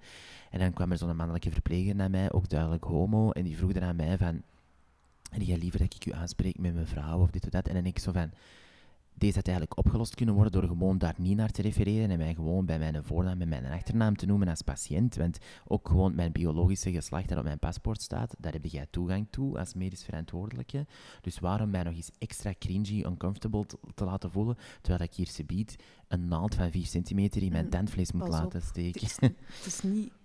ehm, het, het is een, een, een stap dat je moet doen om je paspoort te laten aanpassen. Hè. Heel veel mensen die wel ja. de sociale transitie gedaan hebben en eh, op straat en in, in persoon ehm, een gendermarkering gekozen hebben, zeg Ja, maar. ja. Dat staat niet per se op je paspoort. Nee, dat weet ik, ja. Op mijn paspoort staat ook een V. Ja. Ehm, Ja, dat weet Ja. ik. Maar ik bedoelde eigenlijk het vooral in, maar de in vraag de, is vals gesteld aanspreking. geweest. Ja. Het is niet zo van, heb je liever dat ik je als vrouw aanspreek, maar Mhm. zo... Ja, gewoon vraag heel open Ja. van wat zijn je voornaamwoorden Ja. en hoe word je graag aangesproken. ja, dat had beter geweest Ja. in plaats van zo dat gevoel te krijgen van zo, oh my god. Allee, ja, zo weet je, ik kom hier voor iets totaal unrelated to Ja, that. snap inderdaad. Dat, Ja. dat, dat heeft geen bijdrage uiteindelijk. Nee, ook, voilà. En dat is, dat is zo wel een ding in professionele settings, denk ik wel, dat cisgender mensen het, het, het, het Educate yourself. ja, En correct. ja. Ik denk wel dat zij het verschil kunnen maken in, in ook zo dat weg te trekken uit die awkward sfeer. Die- allee, pff, ik kan me dat voorstellen als je in een, in een, een of andere meeting zit en je moet zo zeggen van, ah ja, nee, maar ik wil liever zo aangesproken worden, of ik ben daar, of ik ben dit, of dat. Ja, dat is, dat, dat is, it singles you out immediately, hè, terwijl dat andere mensen daar net eigenlijk een, een comfortabelere omgeving in kunnen ja, teweegbrengen, zonder dat Hm. jij dat moet doen. Want ik denk, daar denk ik ook vaak over. Hè. Allee, soms denk ik echt van, als ik nu minder mondig was geweest of minder assertief en heel veel, dat is ook de, kritiek die ik het vaakste hoor over mijn persoonlijkheid, van ah, je kunt soms echt bijten, hè. dat is iets dat heel veel mensen tegen mij zeggen. Maar soms denk ik van, I can only imagine hoe dat het is voor mensen die dat niet bijten en van zich afbijten soms en die dat niet durven zeggen wie dat ze zijn en waarvoor dat ze staan en, en, en al die dingen. En dan denk ik echt van, eigenlijk, ja, ik kan me dat zelfs niet voorstellen, want dan gaat het echt door heel diepe dingen, denk ik. Dus ja, Maar daarom vind ik het ook belangrijk om daar, om dat echt een, een, een onderwerp van te maken en dat dat niet meer taboe is en dat dat niet meer in... Allee, zoals je zei, praat ook met je cis-vrienden, dat dat echt gewoon een deel van je leven is. En hoe meer dat we erover praten en hoe meer dat we alles normaliseren, hoe minder dat dat gaat opvallen en hoe minder awkward dat dat gaat worden in een gesprek. Dus Ja. Ja. Ik ben zo onlangs van de week ja, eh, bij een nieuwe job begonnen. En ik heb dat één op mijn cv gezet, dat ik eh, non-binair ben, dat ik die en hun als voornaamwoorden gebruik. Bij mijn sollicitatiegesprek vroegen zij al van, hey, wil je even kort toelichten of wil je dat niet toelichten? Ik zei, ik wil het eigenlijk niet toelichten, ik wil het gewoon dat jullie het weten. En ga er maar mee aan de slag. Ik ben uiteindelijk aangenomen geweest.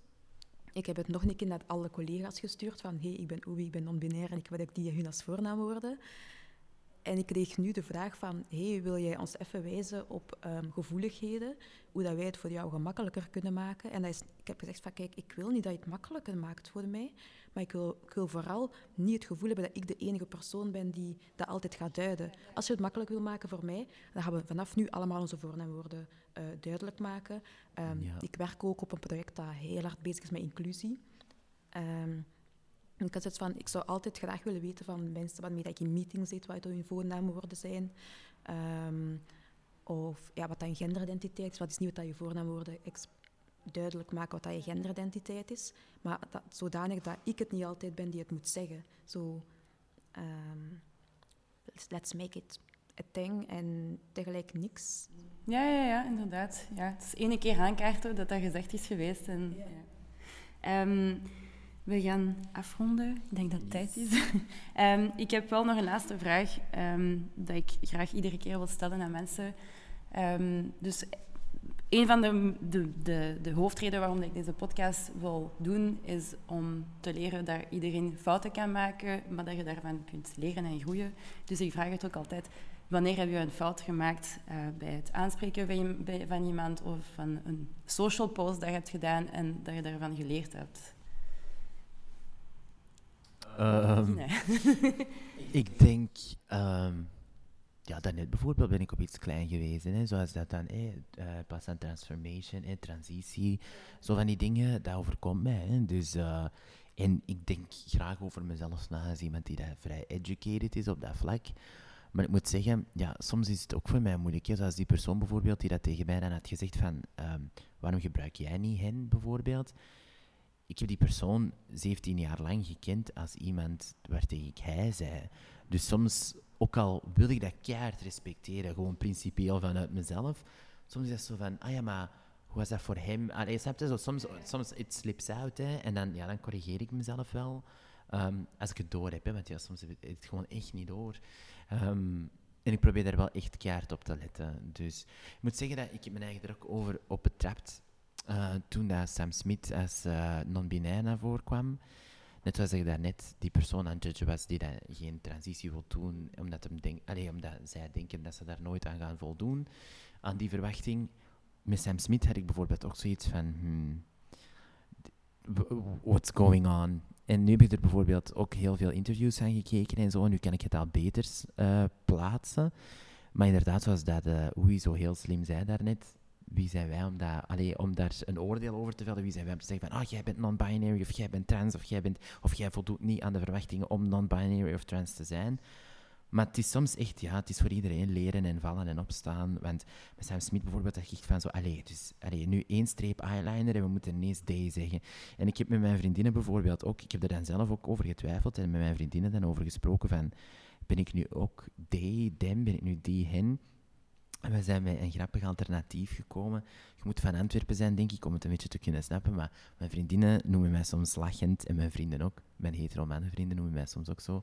Die noemen mij soms Zolle, om mee te lachen. Dus, en dat dan echt zo, zo, zo ach, Zollezen, hè. Zo, en dat is echt zo... Dat ja, dat is gewoon... Ondertussen is dat gewoon een running gag in onze vriendengroep. Maar dan zo... Als we dan over Sam Smith of zo praten, dan is dat zo, ah, Zolle. Maar dat is dan zo onze eigen manier om er dan zo op een leuke manier mee om te gaan. Dus eh, ja, het is vallen en opstaan voor iedereen, denk ik. Ja, het is dat. Het is, eh, je moet het aan jezelf ook wel... eh, allee, het, je, je moet dat laten aan jezelf om, om die reflex te hebben, maar je moet dat Ja. ook direct kunnen herkennen van, ah, deze is fout. Maar Ja. de reflex zelf kun je moeilijk controleren, maar je moet er op dat Ja. moment wel bij stilstaan en niet de volgende natuurlijke reflex hebben van, Ja. oh ja, maar bon, het maakt niet uit, of ja, Maar- ik bedoelde het goed, of ik bedoel Onze, het niet zo. maar ons, ons taalgebruik is zo gegenderd. Ja. En ook gewoon, heel onze wereld is super. Ja, we leven in, in, ja, in een, in een macho-wereld, in een patriarchale wereld. Allee, bedoel, het, is, het is ook moeilijk om daaraan te ontsnappen. Hè. Dus het is logisch dat je, je moet gewoon iedere dag kom afmaken met iets waar je continu in leeft. Dat is eigenlijk de waarheid. Hè. Je moet continu ja, je blijven verzetten tegen iets waarvan dat je weet dat je er nooit aan gaat ontsnappen. Want, Nee. allee, no offense to anyone hier aan tafel, maar wij gaan dat nooit meer meemaken, denk ik, in our lifetime. Dat de ideale wereld zonder labels en zo, dat die er is. Hè. Dat gaat echt volgens mij, ik denk dat dat, dat is bijna utopisch. Hè. Dat gaat nog zo lang duren volgens mij. Ik denk wel dat we, allee, as time goes on, gaat er meer en meer rapid progress zijn, maar ik denk wel dat dat echt nog, god weet hoeveel decennia of eeuwen zelfs, gaat het nog duren voordat we die... heel confronterend. Ja. Als je zo... ik, heb, ik heb een bijna uitsluitend queer vriendengroep. Eh, dat is mijn, mijn family, zeg maar. En wij leven in zo'n bubbel die wel genderinclusief is, Ja. die wel stilstaat bij correcte termen en zo. Maar we zijn ook allemaal heel outspoken en we zijn ook dus we zijn deel van die grotere wereld waar dat alles wel ja, bijna een continue threat is naar jou toe, naar je identiteit toe, naar je seksualiteit toe. Ehm, maar ik vind wel dat we moeten blijven enerzijds dromen en Ja. anderzijds ook blijven zeg maar, op de barricade staan om het wel zo dicht mogelijk naar Ja. die inclusiviteit te krijgen. Ja, Ehm, stoppen is geen optie. voilà. Dat is waar. En had jij, Oei, nog eh, een confession over iets dat je fout hebt een fout gedragen of een foute uitspraak? Of... Ik misgender mijn vrienden wel, heel- wel een keer. En bijvoorbeeld ook met nieuwe namen en deadnames. Deadnames zijn als iemand van eh, naam verandert en dan de oude naam die je nu moet gebruiken is de deadname. ehm, dat die er een keer tussen slipt. Omdat je, hoe, hoe dat ik het vaakst voor heb, is over over iemand praten in het verleden. En je hebt die gekend in het verleden onder een Ja. bepaalde naam. Ja. En dan zeg je, ah ja, vroeger was ik met X op stap. En dan zo, ah nee, nee, nee, nee, ik mag dat niet zeggen. Al moet ik wel zeggen dat de meeste van mijn vrienden die een andere naam hebben aangenomen, dat ik die oude naam niet meer weet. Plots Ah, ja, was die manier, onlangs ja. op social media iemand die eh, naar zichzelf verwezen in een oude naam. En ik was echt denken, oh shit, was dat, dat is juist, je hebt het zo genoemd. Oh, oh, ik was echt al vergeten. Het is pas minder dan een jaar gebeurd, die, die naamswitch. Ehm, maar ja, ik misgender wel een keer iemand en ik, ik dat neem wel een keer iemand. ehm, maar ik ga ook wel excuseren, zeker en vast. En, en, en ja, Maar er- bestaat ook eigenlijk geen standaard in. Hè? Want je hebt bijvoorbeeld ehm transvrouwen bijvoorbeeld die dat ervoor vader zijn geworden. En, eh, en die hebben het nog altijd graag dat hun kinderen refereren naar hen als papa. Ook al identificeren zij zich volledig als vrouw intussen. Hè? Dus dat is, allemaal, dat is allemaal zo heel... Ja, het is echt mensen hun, hun keuze respecteren. Eigenlijk op persoonlijk vlak denk ik ook. als Als we, als we de juiste termen vragen, ehm, zonder te insinueren, dus Ja. met een open vraagstelling van Ja. hoe heb je het liefst, zo kun je het meeste te weten Voilà. komen. En Ja. ehm, het is niet per se dat je een logboek moet bijhouden met iedereen dat je tegenkomt, maar steek dat in je hoofd en, en Ja, voilà. Ja. Oké. Eh, ik wil jullie echt bedanken voor een superboeiend gesprek. Het was nog beter dan ik had gedacht. Ehm, ja, ik raad iedereen aan om jullie ook te volgen, want ik vind jullie twee, allee, jullie twee persoonlijke accounts en ook jouw ehm LGBTQIA.be Instagram-account Ja. Ehm goede resources gewoon. Ehm, dus ik zal ze wel linken als ik de podcast deel. En we gaan eh, afronden met een nummer dat ik zelf heb gekozen. Die heet Troisième Sex. Dat, is- dat was oorspronkelijk een nummer van Indochine. Dat is een, eh, ja, ik Ja. Mhm. Franstalig oorspronkelijk. Dus ehm, dat is een groep dat heel veel heeft gedaan voor wat dat we toen meer androgyne noemden. ja. Ken ze. Eh, ja, dat is echt wel... Ja. Die Troisième Sex is echt wel een anthem. Maar ik vind die versie niet zo goed, maar Miss Kitty heeft dat ooit ook gecoverd. Ah, ja. Dus eh, ik vond het wel een goede manier om eh, deze podcast af te sluiten. Merci Louis, merci Laurent. Dank Graag je wel. gedaan. Tot snel. Doei! Dans la rue, des tenues charmantes, maquillées comme mon fiancé. Garçon, fille, l'allure stupéfiante, habillée comme ma fiancée. Cheveux longs, cheveux blonds colorés, toute nue dans une boîte en fer. Il est belle, il est beau décrier l'outrager, mais j'en ai rien à faire. J'ai pas envie de la voir nue. J'ai pas envie de le voir nu. Et j'aime cette fille aux cheveux longs. Et ce garçon qui pourrait dire non.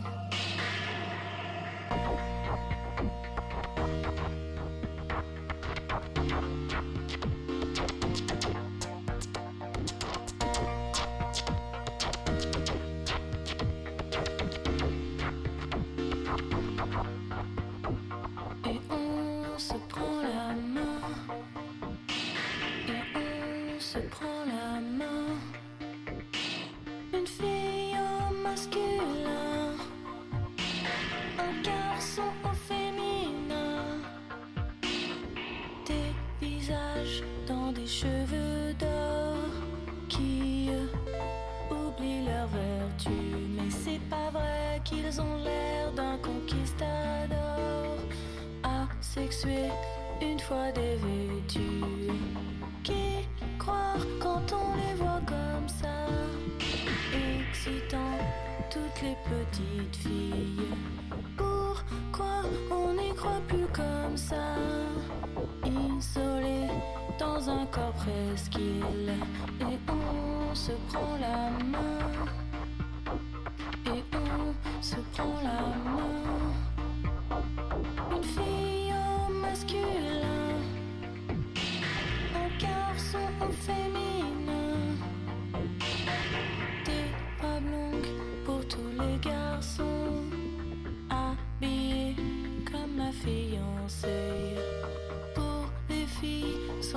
contrefaçon, maquillé comme mon fiancé. Le grand choc pour les plus vicieux, c'est bientôt la chasse aux sorcières. Ambigu jusqu'au fond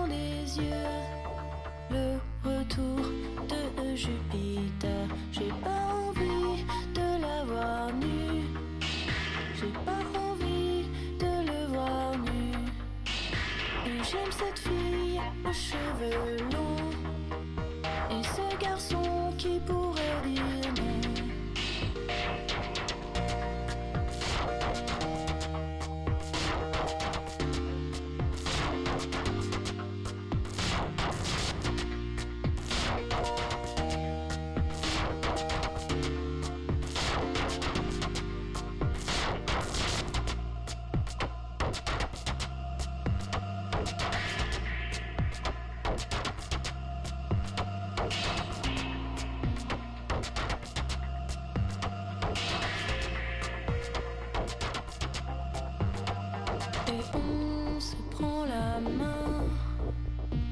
Et on se prend la main.